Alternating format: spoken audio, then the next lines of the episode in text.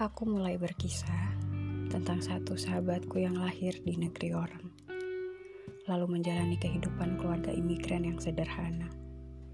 Setiap kali ibunya hendak menghidangkan daging ayam sebagai lauk, ibunya pergi ke pasar untuk membeli bagian punggungnya saja. Hanya itu yang ibunya mampu beli. Sahabatku pun beranjak besar tanpa tahu bahwa ayam memiliki bagian lain selain punggung.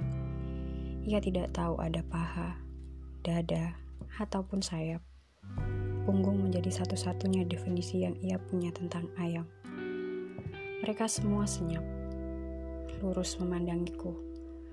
Mereka tidak menduga kata-kata sebanyak itu meluncur keluar dari orang yang selama ini mereka kira Arca dan betapa gemas mereka menanti lanjutan cerita tentang punggung ayam di negeri orang. Aku menghela nafas. Kisah ini terasa semakin berat membebani lidah. Aku sampai di bagian bawah aku telah jatuh cinta. Namun orang itu hanya mampu kugapai sebatas punggungnya saja. Seseorang yang cuma sanggup kuhayati bayangnya dan tak akan pernah kumiliki keutuhannya. Seseorang yang hadir, sekelebat bagai bintang jatuh, yang lenyap keluar dari bingkai mata sebelum tangan ini sanggup mengejar.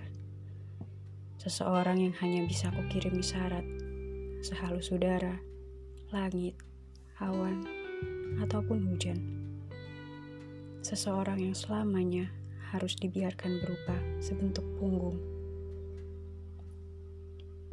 karena kalau sampai ia berbalik, niscaya hatiku hangus oleh cinta dan siksa. Sahabat saya itu adalah orang yang berbahagia. Ia menikmati punggung ayam tanpa tahu ada bagian lain. Ia hanya mengetahui apa yang ia sanggup miliki. Saya adalah orang yang paling bersedih karena saya mengetahui apa yang tidak sanggup saya miliki. Kusudahi kisahku, seraya menyambar botol bir yang tidak lagi jadi piala, dan mendadak terlihat sangat menarik.